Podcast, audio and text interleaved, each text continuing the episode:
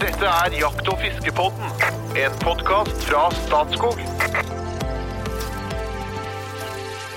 Nå har du akkurat satt i gang en episode med Jakt- og fiskepodden som skal handle om det som jeg kanskje liker aller best, nemlig ørretfiske. Jeg har jo tidligere fått litt sånn tips fra en eh, gjest som var og snakka om ulike typer fiske, rosareke, som resulterer i at eh, jeg har skjønt at isoporduppene mine ikke nødvendigvis er det eneste saliggjørende. Så jeg lærte et nytt ord, bombardiadupp, eller bombardadupp. Ble jeg øh, bitte litt usikker, faktisk. Vi tar det siste, bombardadupp, for det nikkes, øh, nikkes til meg i studio her nå. Denne gangen kommer jeg til å ende opp med enda flere tips fra en solid ekspert. Jeg kommer tilbake til han snart. Aller først så må jeg introdusere partnerne mine, et par usedvanlig hyggelige karer som har vanvittig kunnskap og engasjement rundt jakt og fiske. Eh, Velkommen til deg, informasjonssjef i Jegerfisk, Espen Farstad. Hei, hei. Og ikke minst, velkommen til deg, fagsjef i Statskog, Jo Inge Bresjeberget. Hallo, hallo. Ørret, hvilke eh, umiddelbare bilder skaper det i hodene deres? Jeg tenker mat, jeg. De er etende. Ørret er eh, veldig utbredt over hele verden. Og når jeg tenker på ørret, så tenker jeg på veldig bra fiske og veldig bra mat. Så jeg blir sulten når jeg tenker på ørret. Ja. Espen? Ja, ja det var jo en litt neandertalertilnærming, det der, syns jeg. Jeg har, har, har litt mer nyansert. Da. Jeg, for meg er ørreten en, en veldig fantastisk vakker skapning eh, som eh, gir meg utfordringer som fisker. Jeg elsker å fiske ørret. Det, det, det er det optimale, egentlig. Det er eh, fluefiske etter ørret. Så for meg så er det liksom sånn eh, Ja, det blir ikke bedre rett og slett. Og jeg eter den gjerne, da. Jo Inge, jeg må si det. Jeg spiser også ørret, det er veldig godt, det. Men, men først og fremst så tenker jeg på liksom den der vakre, gule, prikkete, perfekte skapningen som en fin ørret er. Mm. Jeg kan si at til meg så bringer det frem noen sånne minner fra oppveksten, når eh, foreldrene mine hadde meg med på turer inn i Børgefjell, der vi fiska ørret. Ganske vanskelig egentlig å, å få den fjellørreten, men vi lyktes en del. Og det er, og og det er de minnene som, er, som drar med meg videre. Er Derfor jeg har et godt forhold til fiske. Jeg ble eh, sånn danna i oppveksten min. Men nå er det på tide å introdusere en som eh, kan utrolig mye om, eh, om fiske. Han har vært med før. Ukens gjest er Øyvind Fjellseth. Velkommen tilbake. Takk, takk. Du har jo vært med oss i flere episoder og delt kunnskap om alt fra makrellstørje til gjedde, og nå er det ørret som står for tur. Men hvilken fisk og hvilken fiske er det du setter aller høyest? Nei, det er faktisk eh, ørretfiske, altså. Jeg må si det. Ai, ai, ai, ai. Ja, ja, ja, ja, ja, ja. Og, og gjerne den ørreten som eh, lever hele livet inne i, eh, i ferskvann også. Med flue, da. Jeg er såpass sær. Det er jo flere i studio her som er litt opptatt av fluefiske. Ja. Nei, det er en veldig fin eh, tilnærming til, til ørreten. Eh, og det gir eh, For meg så er ørreten en sånn eh, Den representerer de høyeste og de laveste skuldrene jeg kan ha, liksom. Eh, Det kan eh, være enormt frustrerende, men like, like fullt eh, ha, gi deg de mest senka skuldrene i hele verden. Så det er en fantastisk, eh, fantastisk fiskeart. For meg, da. Ja, men eh, og, bare for å ta det store bredden på ørret, for ørret er jo da ja, sies å være én art, men du, altså, du kan jo både fiske sjøørret og innlandsørret. Men er det en art som går sånn som laksen gjør, eller så er- oppfører denne arten seg på en helt annen måte? Ja, Den er jo på en måte som laks, fordi sjøørret og den innlandsørreten vi har, er begge samme art. Blir kalt brunørret sånn på fag, fagspråket. Eh, og den har jo kommet eh, langs kysten vår en gang i tida eh, via saltvann, i all hovedsak. Så det er jo sjøørreten som på en måte var den første, første for si, og så kom det sikkert noe over via Østersjøen og sånn den gangen isen hadde trykt landet langt ned. Eh, Men det er jo sjøretten som i stor grad er utgangspunktet for den innlandsørreten vi også fisker etter. Så samme art. eh, Den eh, kan vokse opp i ferskvann, og, eller fødes i ferskvann og vokse opp i sjøen og gå tilbake til ferskvann for å gyte. Eh, Og den kan leve hele livet i, ferskvann. Så han, er, har et stort spenn i, i såkalte livshistorie, strategivalg. Da. Så Mm. det er en veldig fascinerende art. Og så lever den i alle landets kommuner. Det er ganske fantastisk. Ja, ja, det gjør den jo helt sikkert. Den, eh, den, har jo, eh, den har jo blitt spredd i stor grad også, så helt fra steinalderen. Det var en av de mest vellykkede fiskearter. Altså, Britum har jo hatt med seg alle kolonier nesten nå, rundt omkring. Så det er jo, den er jo spredd eh, med menneskehjelp i veldig mange vann rundt omkring i hele verden. Ja, da, den fins fra, ja, ja, fra, New Zealand, Tasmania opp til eh, ja, helt der oppe som vi bor. Da. Mm. Så, så, den har en god spredning. Og ikke minst i Norge. Det er mye vi har spredd den i Norge, ikke minst i Norge. Da. Alle vann som har ja, altså det er jo en, fått hjelp. Det er jo en art, som, eh, det er, en art som, eh, som, er veldig god til å vandre i, i rennende vann. Da. Så den har jo kommet ganske langt opp for egne finner. Eh, men sånn som eh, ja, all fisken på Hardangervidda og, og, sikkert også store deler av Finnmarksvidda er jo fisk som er satt ut av mennesker. Og, og Det er jo gjort arkeologiske funn som viser at det her gjorde de faktisk helt tilbake i steinalderen, altså fra før 4000 år tilbake. Så det, det er en utrolig fascinerende historie. Så det, det har alltid vært en ettertrakta matfisk som, eh, som, blir stor og er næringsrik og, og relativt sett lett å fange i sammenligna med kanskje mange andre dyr vi kunne tenkt oss å spise. Da. Så det mat, mattilnærminga har vært uh, viktig for, uh, for spredning av den, uh, den ørreten vi har i Norge i dag. Mm. Men altså, da tipper jeg at den er spredd på to hovedmåter. Ene, det ene er at den har gått naturlig, og så har du hatt landheving, og så har den vært igjen i, i elver og, og ja, eller hovedsakelig da innsjøer. Og den andre måten er at folk har tatt det med seg videre. Ja. Sånn som skjer spredning med ganske mange forskjellige arter. Er det, er det, har det vært stor sånn, menneskelig spredning av ørreten, eller har den ja, stort sett altså, spredt seg sjøl? Øh, den ja, altså Hovedutbredelsen er jo i litt lavereliggende deler av, eh, av kystlandskapet, på en måte. Altså ikke altfor høyt over havet. Det er litt avhengig av topografien. Er det for bratt, så kommer den ikke så langt, ikke sant. Men for uh, 10 000 år siden så lå jo Eh, havet mye høyere. Eh, havgrensa her jeg bor, i, i Drammensdistriktet, er jo på 220 meter ca. Så da lå jo havet ganske mye høyere opp. og da de fossene som, eh, som er under det nivået, de forserte jo via saltvannet, nær sagt, så de var jo ikke fosser. Så kom han så langt han kom inn i landet etter det. Altså, han kom jo ganske langt, med sånn som fisk i Telemarksområdet. Den kom til, ja, til Tokkområdet, tenker jeg, og så har den blitt flytta der oppover. da. Så, så, fisk i Møsvann og innover på Hardangervidda er alt satt ut opprinnelig eh, på et eller annet tidspunkt. Den er ganske tilpasningsdyktig, da. Tåler, tåler det greit? Eh, altså, Ørret er en meget tilpasningsdyktig art. Det ble nevnt at den finnes over hele verden, bokstavelig talt. Det var jo fordi britene syntes at det var en, eh, en, fantastisk fin sportsfisk, selvfølgelig. Så de tok den jo med seg der de, der de dro. Eh, og så er den satt ut da absolutt overalt. Altså verdens beste Eh, tilbake til sjøørret. Verdens beste sjøørretvassdrag finnes jo helt sør i, i Sør-Amerika. Det er satt ut, eh, satt ut, opprinnelig for å spise, og så har det bare blitt eh, et enormt fint sjøørretfiske der nede pga. det. Mm. Eh, og så kan du diskutere hvor smart de er å sette ut fremmede arter, eh, men det har nå skjedd for ja, relativt lang tid siden, da. Så de har jo bare godtatt at sånn er det nå. Det, mm. det, var andre arter som har vært verre å sette ut. Altså, eh, Ørreten har hatt den med å sette ut over hele verden, og det har gått forholdsvis bra da, i sammenligning med en del andre arter, fremmede arter, som er gjort. I tillegg til ja, at den er en veldig bra sportsfisk på ja, ja, altså, og alt det der. Så. Som dyrearter generelt, så er det vel ikke de verste. Katter er jo mye verre. Mm per eksempel. Hvis du først skal ta med noe som virkelig er ille. Ja. Eller rødrev. Ja. Eller rødrev, ja. Det er en kjepphest. Okay. Vi, har hatt, eh, vi har hatt en egen episode om uh, sjøørretfiske. Så vi, nå, nå, tar vi oss og beveger oss litt sånn innover i landet når det gjelder uh, ørretfiske. Og en plass må man starte f.eks. på utstyrsfronten. Hva krever det hvis du skal ut og fiske ørret? Nei, altså det, det er litt avhengig av hvor du fisker, da. Men en, eh, de, de fleste, fleste, steder du fisker, så får du jo sjelden fisk over kiloen. Det er jo bare en realitet. Eh, noen steder får du virkelig stor ørret, såkalt storørret i noen tilfeller også.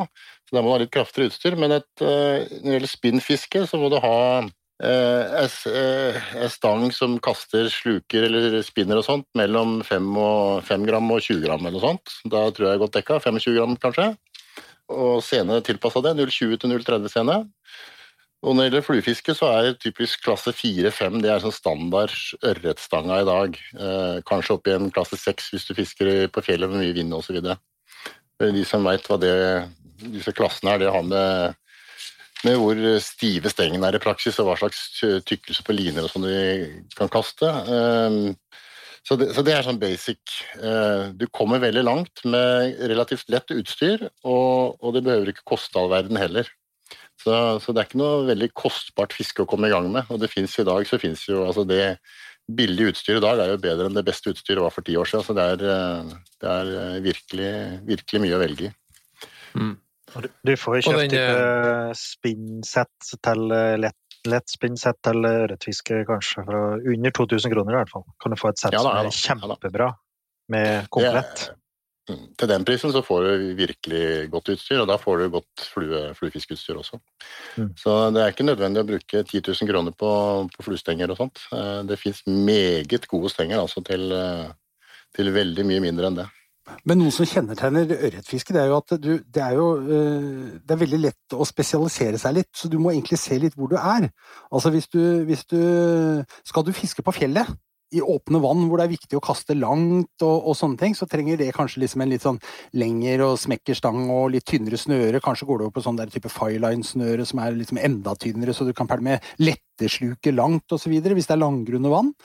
Eller hvis du skal fiske i en litt sånn stilleflytende, meandrerende, svingete skogsbekk som er dyp og mørk, eh, kanskje du egentlig skal bare ha ei bambusstangetterligning hvor du slipper ei marktugge over kantene. Så det, du, det er veldig lett å spesialisere. Det er vanskelig å gi et generelt mm. godt svar på hva slags utstyr du skal ha til ørretfiske, for det kommer an på hva slags ørretfiske du skal bedrive.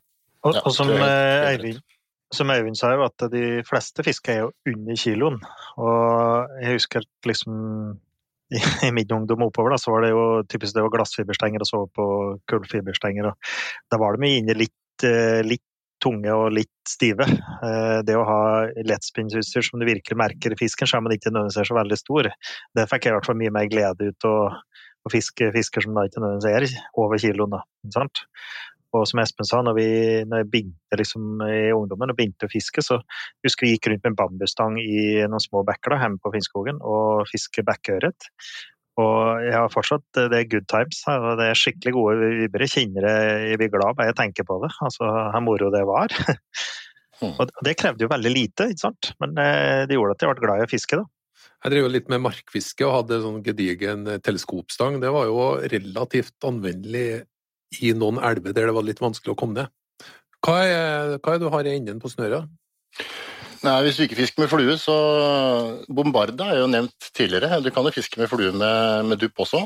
Eh, da er jo bombardadupp eh, veldig fint. Eller en god gammeldags uh, fluedupp, som det kalles. Komet og osv. Det har flere forskjellige navn, jeg tror. Og det fungerer jo kjempefint til litt sånn enkelt fluefisk for en ski. da. Eh, men du har en ganske god rekkevidde, så, så det, det, er ikke så det er, ikke, det er ikke mindre effektivt enn fluestang, det er bare litt enklere å håndtere i forhold til å få flua ut osv. Ellers så, så, er det markfiske i rennende vann. Det er veldig effektivt med bare søkke, eller bare marken for den saks skyld, hvis du har litt lang og mjuk stang, som, som er nevnt. Det er jo det å få vippa det ut det her også. Um, uh, og så har du slukfiske. altså jeg har fått noen, Mange av mine fineste ørreter har jeg fått på små stingsild, altså de minste stingsildstørrelsene. Og Jensenpirken osv. Vært kjempeeffektivt i enkelte tilfeller. og Da har fiska nede ved bånn også.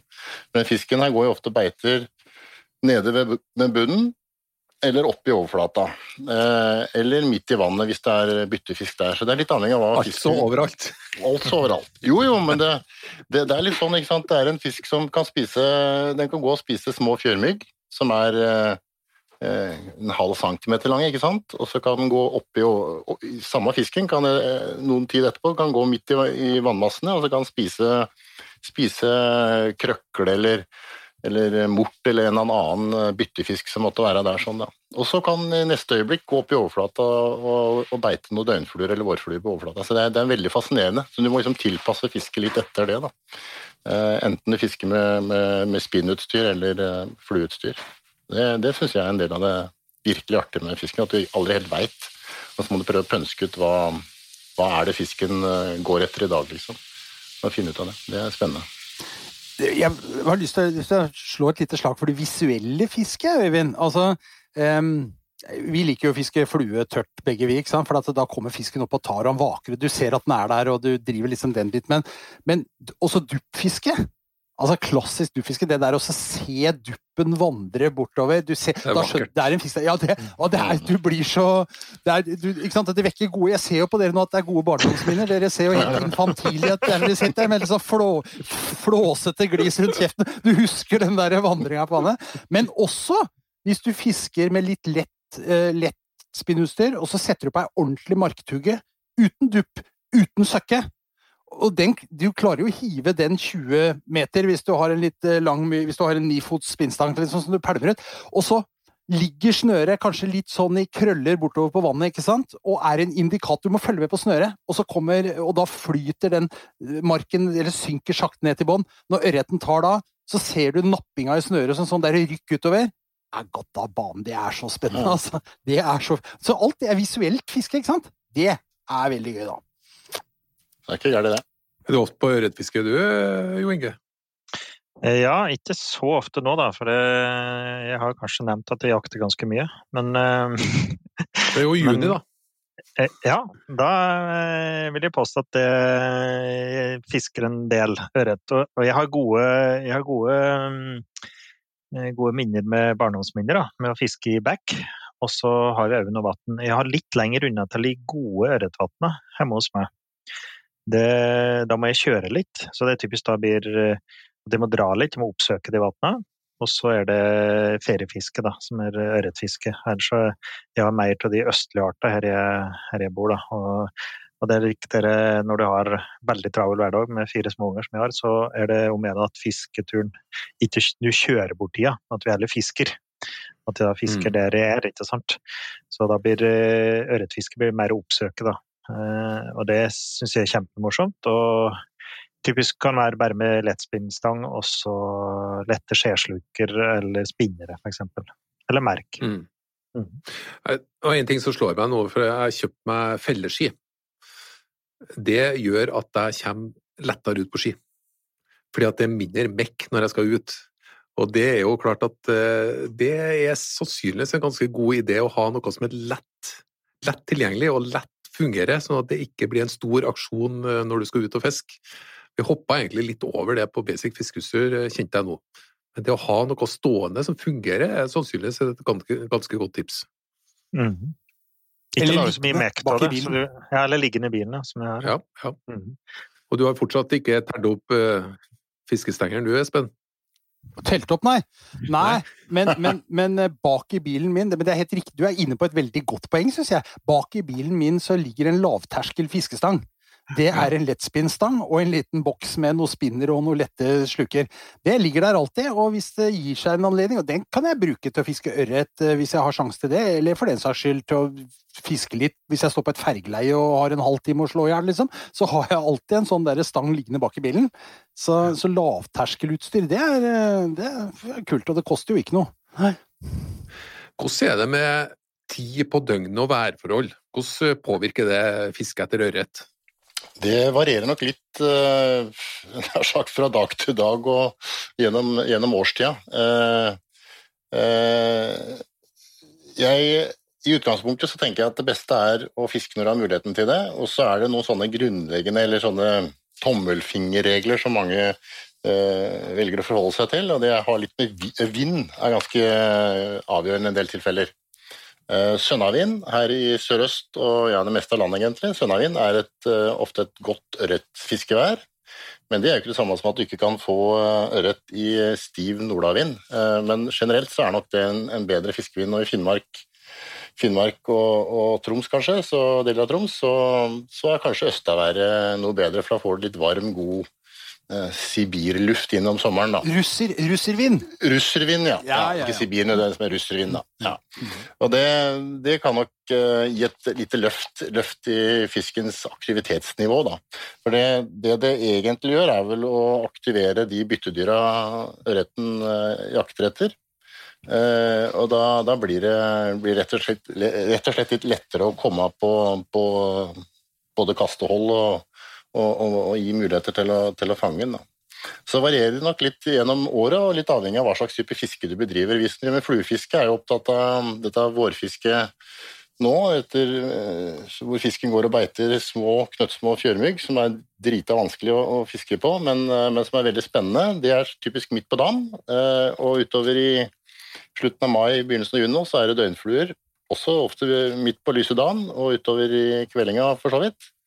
Eh, og så har du vårfluer og sånn som kommer litt ut på sommeren og, og seinsommeren med som kan fiske seint på kvelden, langt ut på natta. Så, så, det varierer nok en god del. Eh, og så har du selvfølgelig det her med byttefiske, sånn, hvordan den opptrer i, eh, i de vanna der hvor fisken går og spiser på dem også. Da. Det er gjerne sånne store rettlokaliteter, så det er litt spesielt. Men, men, men Øyvind, dette, Ja. dette lærer du deg jo liksom med erfaring. Jeg har, altså, nå i, i slutten av mai, begynnelsen av juni, så begynner vi å invadere eh, vanna i marka rundt omkring, i Oslomarka rundt omkring. ikke sant? Og så legger vi oss ved et vann, og så veit vi at klokka 11.30 12 så begynner det å, å være håp og mulighet for at det skal klekke noe vulgata. ikke sant? Da er vi der og fisker med vulgata-imitasjoner, sånn sånn som situasjonen tilsier, på en måte. ikke sant? Så dabber av utover ettermiddagen. Og så blir det en sånn dødperiode som passer fint å gå inn og ta en kaffe og slappe av litt. ikke sant? Og så kommer disse ryddefiskene, som vi kaller dem, om kvelden, Ja. ikke sant? og tar med seg liksom eh, de- noen daue insekter, en maur som er blåst utpå, eh, noen fjærmygg som har samla seg i ei vik, eller noe sånt. Så de går sånn systematisk og plukker på Da blir det en helt annen type fiske, ikke sant? Da, er du, da må du smyge på kanten, du må legge ut en maur, og så må du sitte og vente. Du ser det kommer en fisk sakte langs torvkanten, ikke sant, og nærmer seg de. Altså, Så, så liksom spørsmålet er litt vanskelig å svare på når på døgnet er best og sånn, ikke sant? Nei, altså du må se, du må se der du er, hva som skjer. Det varierer observere. veldig. og, så, og Sånne røddefisker det, det er jo sånn typisk tidlig på morgenen også ofte. Eh, Mm. Hvor det ligger en del daue insekter på, på vannet fra dagen i forveien. Da. Så går jo fisken og plukker, og da kan det være alt fra maur til døgnfluer til, til morfluer og alt mulig rart. Så, så handler det egentlig bare om å, om å komme til med, med agnet, da. Enten det er ei flue eller en, en liten mark, eller hva det er for noe. Mm. Så det er veldig spennende. er det, er det noe Det er vanskelig å sette noen helt generelle regler. Det viktigste er jo folk som kommer seg ut og så prøve ut sjøl, og så få erfaring. Altså Både i vannet, der du er, eh, lokalt, ikke sant? og tida på døgnet. Det kan jo variere, det òg. Altså, hvis vi reiser på samme sted året etterpå, så er jo våren kan være seinere. Det er ikke så varmt i vannet. Altså, du må jo rett og slett bygge erfaringen. da.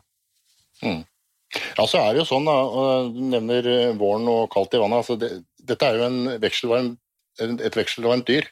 Så, så er det veldig kaldt i vannet, så jo, går jo ting litt tregere for seg. Både eh, metabolismen og alt. ikke sant? Sånn at, at fisken freser ikke rundt i høyt tempo og leter etter ting da. Midt på sommeren, eller tidlig på sommeren, for å si, da, i juni, begynnelsen av juli kanskje, så er temperaturen mer optimal. Høy aktivitet på fisken.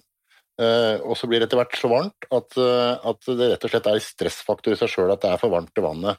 Røtten er ikke veldig glad i vann som er over en eh, 18-20 grader. Da, da blir den rett og slett går den i en sånn modus hvor, hvor han ikke, ikke er veldig aktiv. Så Derfor så har vi ofte sånn kraftig dødperiode i, i lavlandet i hvert fall, i, i type juli. Altså det kan være det. Men i høyfjellet så er det helt optimalt, ikke sant? for da får du de perfekte vanntemperaturen der oppe. Som, som er, kan vi si at perfekt vanntemperatur er sånn 8-14-15 grader? Da er det liksom optimalt. Ja, opp til 15-16 grader så er det, det er sånn helt supert. For da går metabolismen rundt 15-16 grader, så er metabolismen eller, eller eh, emneomsetninga i fisken da går veldig fort. Og da trenger han ganske mye mat, så han spiser hyppig.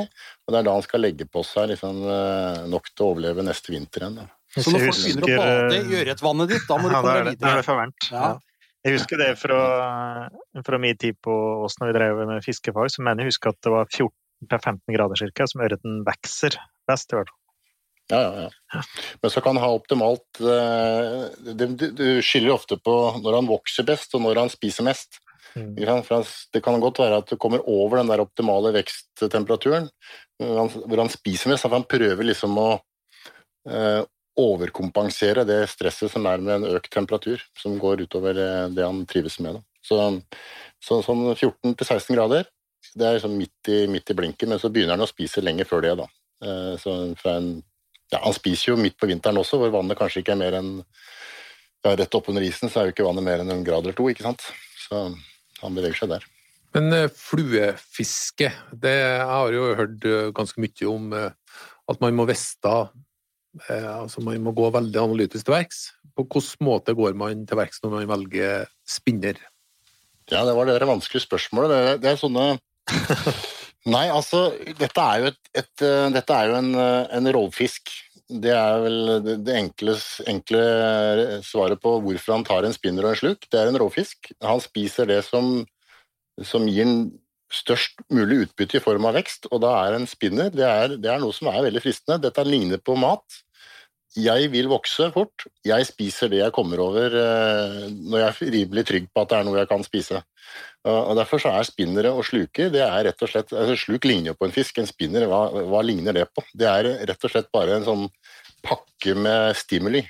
Mm. Eh, og den fisken er jo ikke smartere enn at han eh, tar sjansen på at det her er mat. og Du finner jo ofte lauv og, og kvist og alt mulig rart i magen på en ørret. Han, eh, han, er han er jo ikke helt 100% safe på alt han spiser hele tida. Noen ganger så bommer han, og en spinner er en åpenbar bom, og det er for så vidt ei kunstig flue også. Så, så den, eh, den er rett og slett en råfisk, og, og tar det for mat, altså. Rett og slett. Jeg tror det er så enkelt som det. Jeg husker en, eh, en professor jeg hadde det var irritasjon eller imitasjon. Enten ligner det på noe du, du eter, ikke sant? eller så er det at du nærmest blir irritert av trygge. Da. Altså at det, form eller fasong gjør at det, det her kan se ut som mat, og vi prøver. Jager den vekk, Ja, ja. f.eks. Jeg tror en mindre fisk jager den vekk. Men finnes det noen regler på farger og blankhet og sånne ting? Uakademiske? Eller akademiske? Ja, uakademisk Nei, altså det er jo, det er jo sånn at eh, farvene svekkes jo litt avhengig av hvor dypt du fisker osv., men uh, ofte så er det sånne veldig knæsje farver som slår an også. Så, så det er tydelig at han uh, Enten så har han et dårlig farvesyn uh, Regelen er vel at han har et brukbart farvesyn. Ørreten som lever i ferskvann, har et brukbart farvesyn.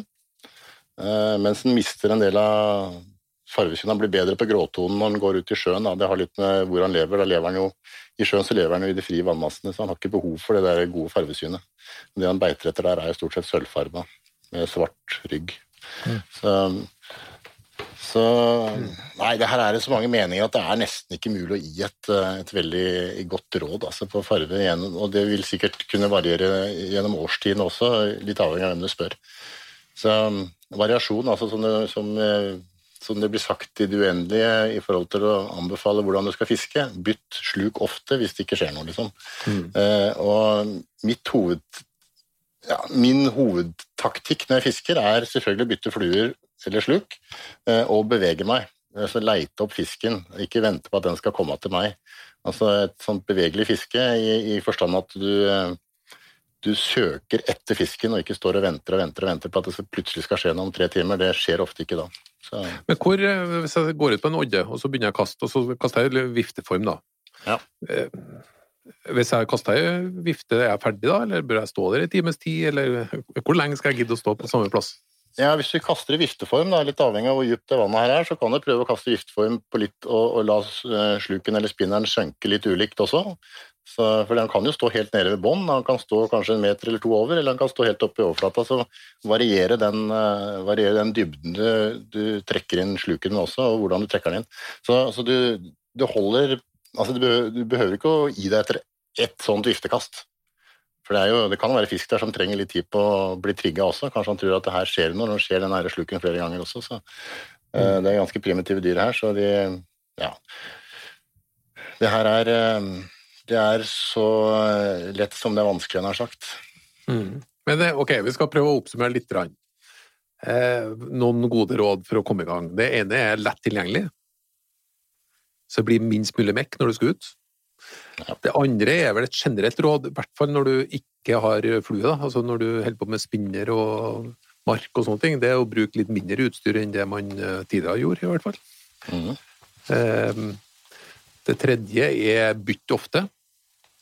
Bytt ofte spinner og sluk. Og det fjerde var å bevege deg. Gå etter fisken i stedet for å tro at fisken kommer til deg. Bør du, hvis du er litt sånn i starten av eh, din karriere, bør du oppsøke vann eller elv? Nei, det, det er litt avhengig av hva slags elv eller vann du har tilgang på, tenker jeg. Altså, Mitt første ørretfiske var eh, ja, bekkeørretfiske, rett og slett.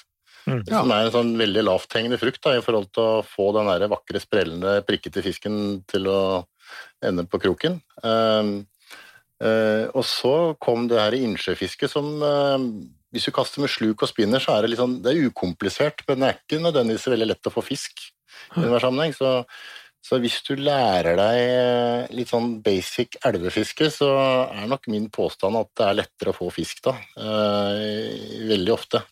Skal du fiske duppmeit og sånn, så er innsjø enklere, selvfølgelig. For da ligger den jo stille og på en måte venter på at fisken skal komme vandrende. Da.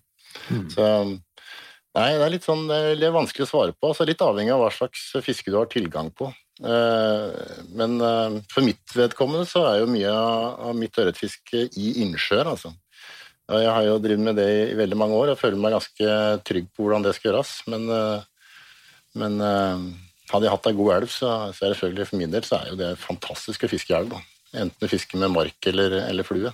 Eller, eller annen, annen redskap, for så vidt. Men så ønsker jeg Ja, en ting, en ting, en ting Ja. til. Eh, ja, det, som er, det som gjør det litt enklere elv, da, er jo at eh, der står jo gjerne fisken og venter på maten. Eh, det, er, det, er, det, er, det, er, det er et poeng. I, I en innsjø så må fisken eh, gå rundt og leite etter maten, og han kan samle seg rundt odder og sånn, hvor det er litt ekstra strøm, hvor, hvor maten kanskje samler seg, da, i form av insekter eller annen småfisk. Mens i elv så står den jo ved en, typisk ved en stor stein, eller sånne ting som kan være ganske lett å, å oppdage for oss som fisker. Og så venter den på at, eh, gjerne på at maten skal komme drivende til seg, og så går den og plukker den maten eh, litt sånn, eh, sånn basic, Basically så er det sånn. Så er det selvfølgelig litt bevegelse på fisken der også, men, men hvis du lærer deg de der standplassene, som vi kan kalle det, da, elv, så, så har du kommet et veldig langt stykke på vei til å kunne oppleve et ganske fint fiske. Eh, og Det er en sånn læreprosess som du bare må gjennom som, eh, som fisker også. Og Det er litt av spenninga. Du må lære deg hvordan det fungerer. da. Pluss at den, den fisken står jo der. Altså når, når den kommer opp og vaker, så veit du at det står en fisk der. Den kommer til å vake der igjen. Hvis du er i et vann og du ser en fisk vaker, så er den egentlig på vei et eller annet sted, så han kommer sannsynligvis ikke til å vake på samme sted igjen. Så det er, det er to store forskjeller. Det er to ganske store jo bare- Ja, men vi skal jo bare innrømme, Øyvind, altså, at vi prater liksom i vei her om sluk og alt mulig sånt, men altså, ei stilleflytende, glassklar ørretelv hvor du kan legge ut ei tørrfugl, liksom, da, nå snakker vi, ikke sant? Du ser smilet her nå, ikke sant? Det er, det er da vi snakker. Ja, kom igjen, altså. Ja. Kommer ikke unna det. Men så ser du ei stilleflytende elv som bare glir forbi, og så har du ikke peiling på om det er ørret der, og ikke vet du om du har lov til å fiske der. Hva, gjør du? Jeg har lyst til å fiske ørret. Hva gjør jeg egentlig? ja, du må melde deg inn i Jeger- og Fiskerforbundet, da. Det er ikke Ja, det, ok, annet. det var fint. Deg inn i Jeger og Fisk. Så ringer du Nei, men altså I natur eh, har jo blitt eh, over år nå et fantastisk verktøy for å finne hvor du kan fiske. Eh, veldig mye ligger jo der inne. Ellers så eh, Altså, det det er jo som alt annet. Spør en kjentmann. Eh, Google. Altså, du finner, du finner ut ganske mye på, på egen hånd. Eh, eh, men det finnes jo ingen sånn veldig god eh, omfattende guide på det. Vi prøvde jo å lage det en gang i tida med en sånn der bok, men det var jo utdatert før boka kom i trøkken, så, det, så sånn ble nå det. Eh, mens, eh, mens de her nettbaserte eh, tjenestene er jo fabelaktige i forhold til det. Og det finnes jo forum på Facebook overalt hvor du kan, kan høste litt erfaringer og stille spørsmål, og kanskje eh, Ofte får du svar, og, hvis det er noe sånn veldig hemmelig, så, så får du kanskje ikke det svaret, men du blir i hvert fall eh, dirigert i en eller annen retning, da. Og det er, som Espen sa, det er, det er jo som ørret overalt. Så det, det her er ikke veldig komplisert, altså. Men Øyvind, da, du sier liksom det er, det er fisk overalt, og du finner ut av det og alt mulig sånt. Men eh, kan vi ikke bare utfordre deg, siden du, du, er her, da. Du har jo reist masse rundt i Norge. Du har drevet med fiskeribiologiske undersøkelser. Du har holdt på med dette et helt liv. Gi oss tre gode ørretfiskeområder, da. Eh, hele Nord-Norge. Det er jo ett. Finnmark-Troms. Det er jo, Nord-Norge. ja, dit skal vi dra! Dit skal vi dra. ja, altså Vi kommer ikke unna at de som er eh, født der, er jo født med sølvskje i, i, i, munnen. Det er, ikke noe, det er ikke til å komme unna det. Det er jo noen muligheter her som eh, vi skal ja, Det er vanskelig å opp, oppdrive det her i, i, i sørøst. Nei, men altså Glomma ja, er jo En perle i Nord-Norge spesielt. Blant mange. Eh, Bardu-området er et fint område. Mm. Finnmarksvidda, selvfølgelig. Det er litt utilgjengelige deler av Finnmarksvidda, men det er jo fantastiske områder. Både etter ørret og etter for så vidt røye, da. Så, og så står det Glomma. Ja, deler av Glomma er fortsatt Glomma Arena. Arena er jo et bra, bra ørretelv. Eh, det er jo det. Vi kommer ikke unna det. det. Det er relativt mange fiskere der. Eh, men det er et veldig, veldig flott område å fiske, fiske i. Og, og, mye fin fisk. Det er det. Ellers så har du fjellområdene både i Midt-Norge og, og, her i Sør-Norge, sånn som Hardangervidda, Børgefjellstrakten. ikke sant? Det er, det er veldig gode fiske, fiskeområder. Hardangervidda er jo en sånn lavthengende frukt for oss som, som bor her i, her i sørøst. Da. Det er relativt kort å komme dit, og det er veldig lett terreng å gå i ofte. Så Koster det, gjerne gå. Mm? Koster det mye? Nei, ørretfiske er uh, veldig, veldig rimelig. Altså, der det selges fiskekort, så, og det gjør det jo veldig ofte, så koster et dagskort fra 30 til 50 kroner, type. Kanskje noe dyrere i noen veldig få tilfeller. Og så er et årskort en jeg kan være 200-300 kroner. Varierer litt. Uh, det kan være noe dyrere også. Men det er et relativt billig fiske. Lett tilgjengelig gjennom i natur og og de som selger kort eh, ellers. Eh, det er vel det. Det er, det er, eh, det er vårt mest tilgjengelige fiske i, i, Innlandet. Fordi den er så spredt utover. Apropos Innlandet, så Du nevnte jo ikke Femundsmarka. Hvis du skal jakte stor ørret, så er det ikke den å glemme heller. Nei, nei, men du spurte om tre, da. Det er det fjerde, det. jo, Femundsmarka, selvfølgelig. Altså, det er de her områdene, sånne klassisk, klassisk gode ørret, ørretområder. Og så har noen av områdene noen andre kvaliteter også, sånn som Femundsmarka, med litt harr for den som liker å fiske det, og, og Glomma også, ikke sant. Og deler av Finnmark, uh, eller Troms og Finnmark også.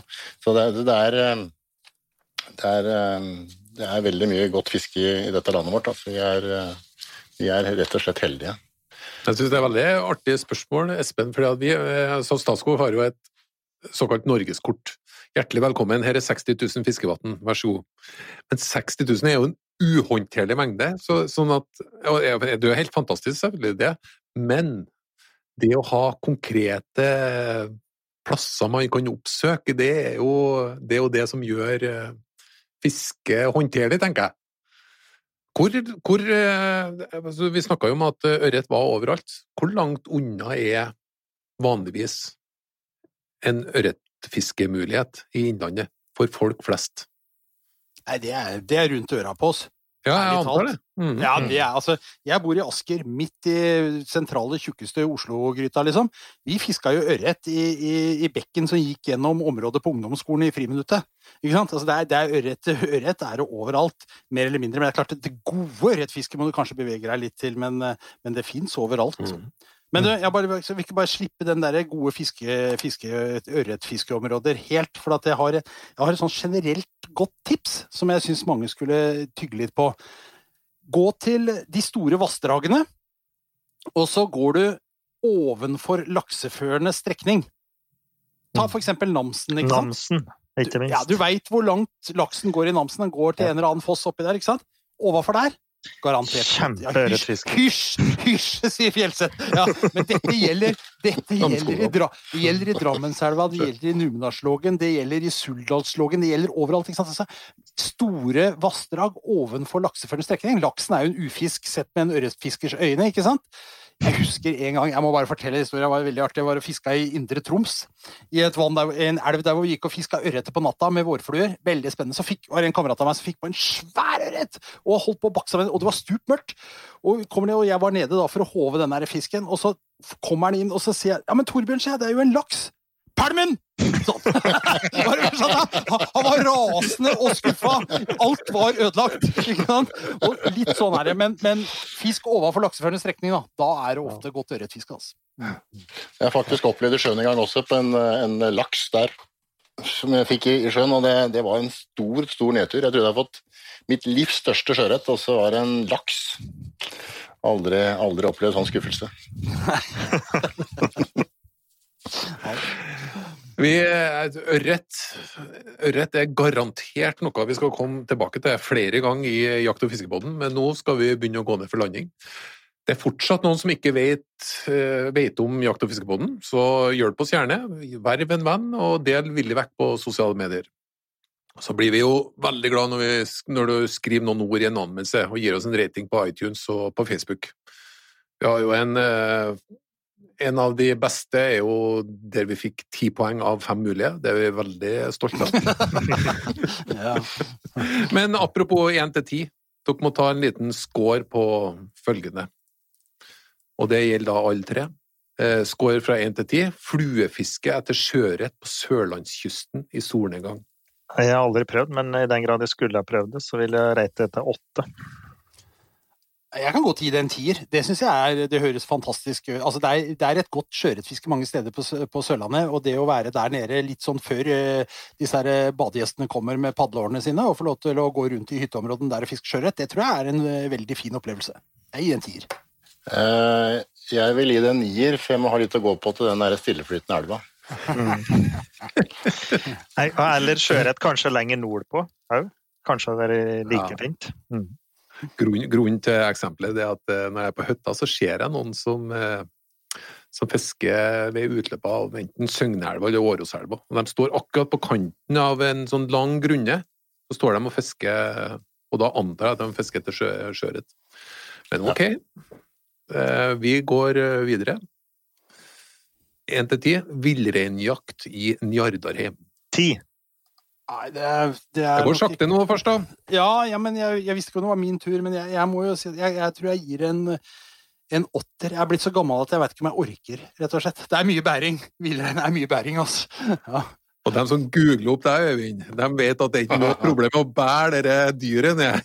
Så hva sier du? Ja, det er mange år siden, det. Nei, eh, nå er ikke jeg jeger, da, det skal sies, men det er sikkert fantastisk. Så jeg ville nok sikkert ha gitt det oppimot en sånn toppscore. Eh, Villrein er et fantastisk dyr, så om, om jeg skulle jakta, så hadde ikke det vært eh, meg forunt å hatt en sånn opplevelse, nei. Mm. Vi har to igjen. Kjører samme rekkefølge. Det er faktisk nok et uh, jaktspørsmål, ser jeg. Vinterjakt på rype i Indre Troms. Ti. Eh, Nei, ser du det, Jo Inge? Overraskende. Ja, ja. ja, den er følger jeg. Den, uh, Åh, det er Ja. fint. Eh, jeg er med på den. Øyvind? Ja. Eh, ikke spesielt eh, fan av rype som mat, men, men opplevelsen hadde sikkert vært fantastisk, så det hadde nok vært en sånn type åtter, det. Vi skal Ja. gjette opp dem, Øyvind. Ja, det skulle vi fått. Må ikke være redd for det. Da kommer siste avgjørende. Her må dere svare fort. Og jeg har jo prøvd å funne ting som kanskje skiller, og som krever litt voldsomme overlegninger. Er jo klar for siste avgjørende? På en skala fra én til ti. Bjarne Brøndbo i bar overkropp. Én. Min, minus åtte. Jeg det er en klar åtter. Ja, ja, ja. Kjempebra!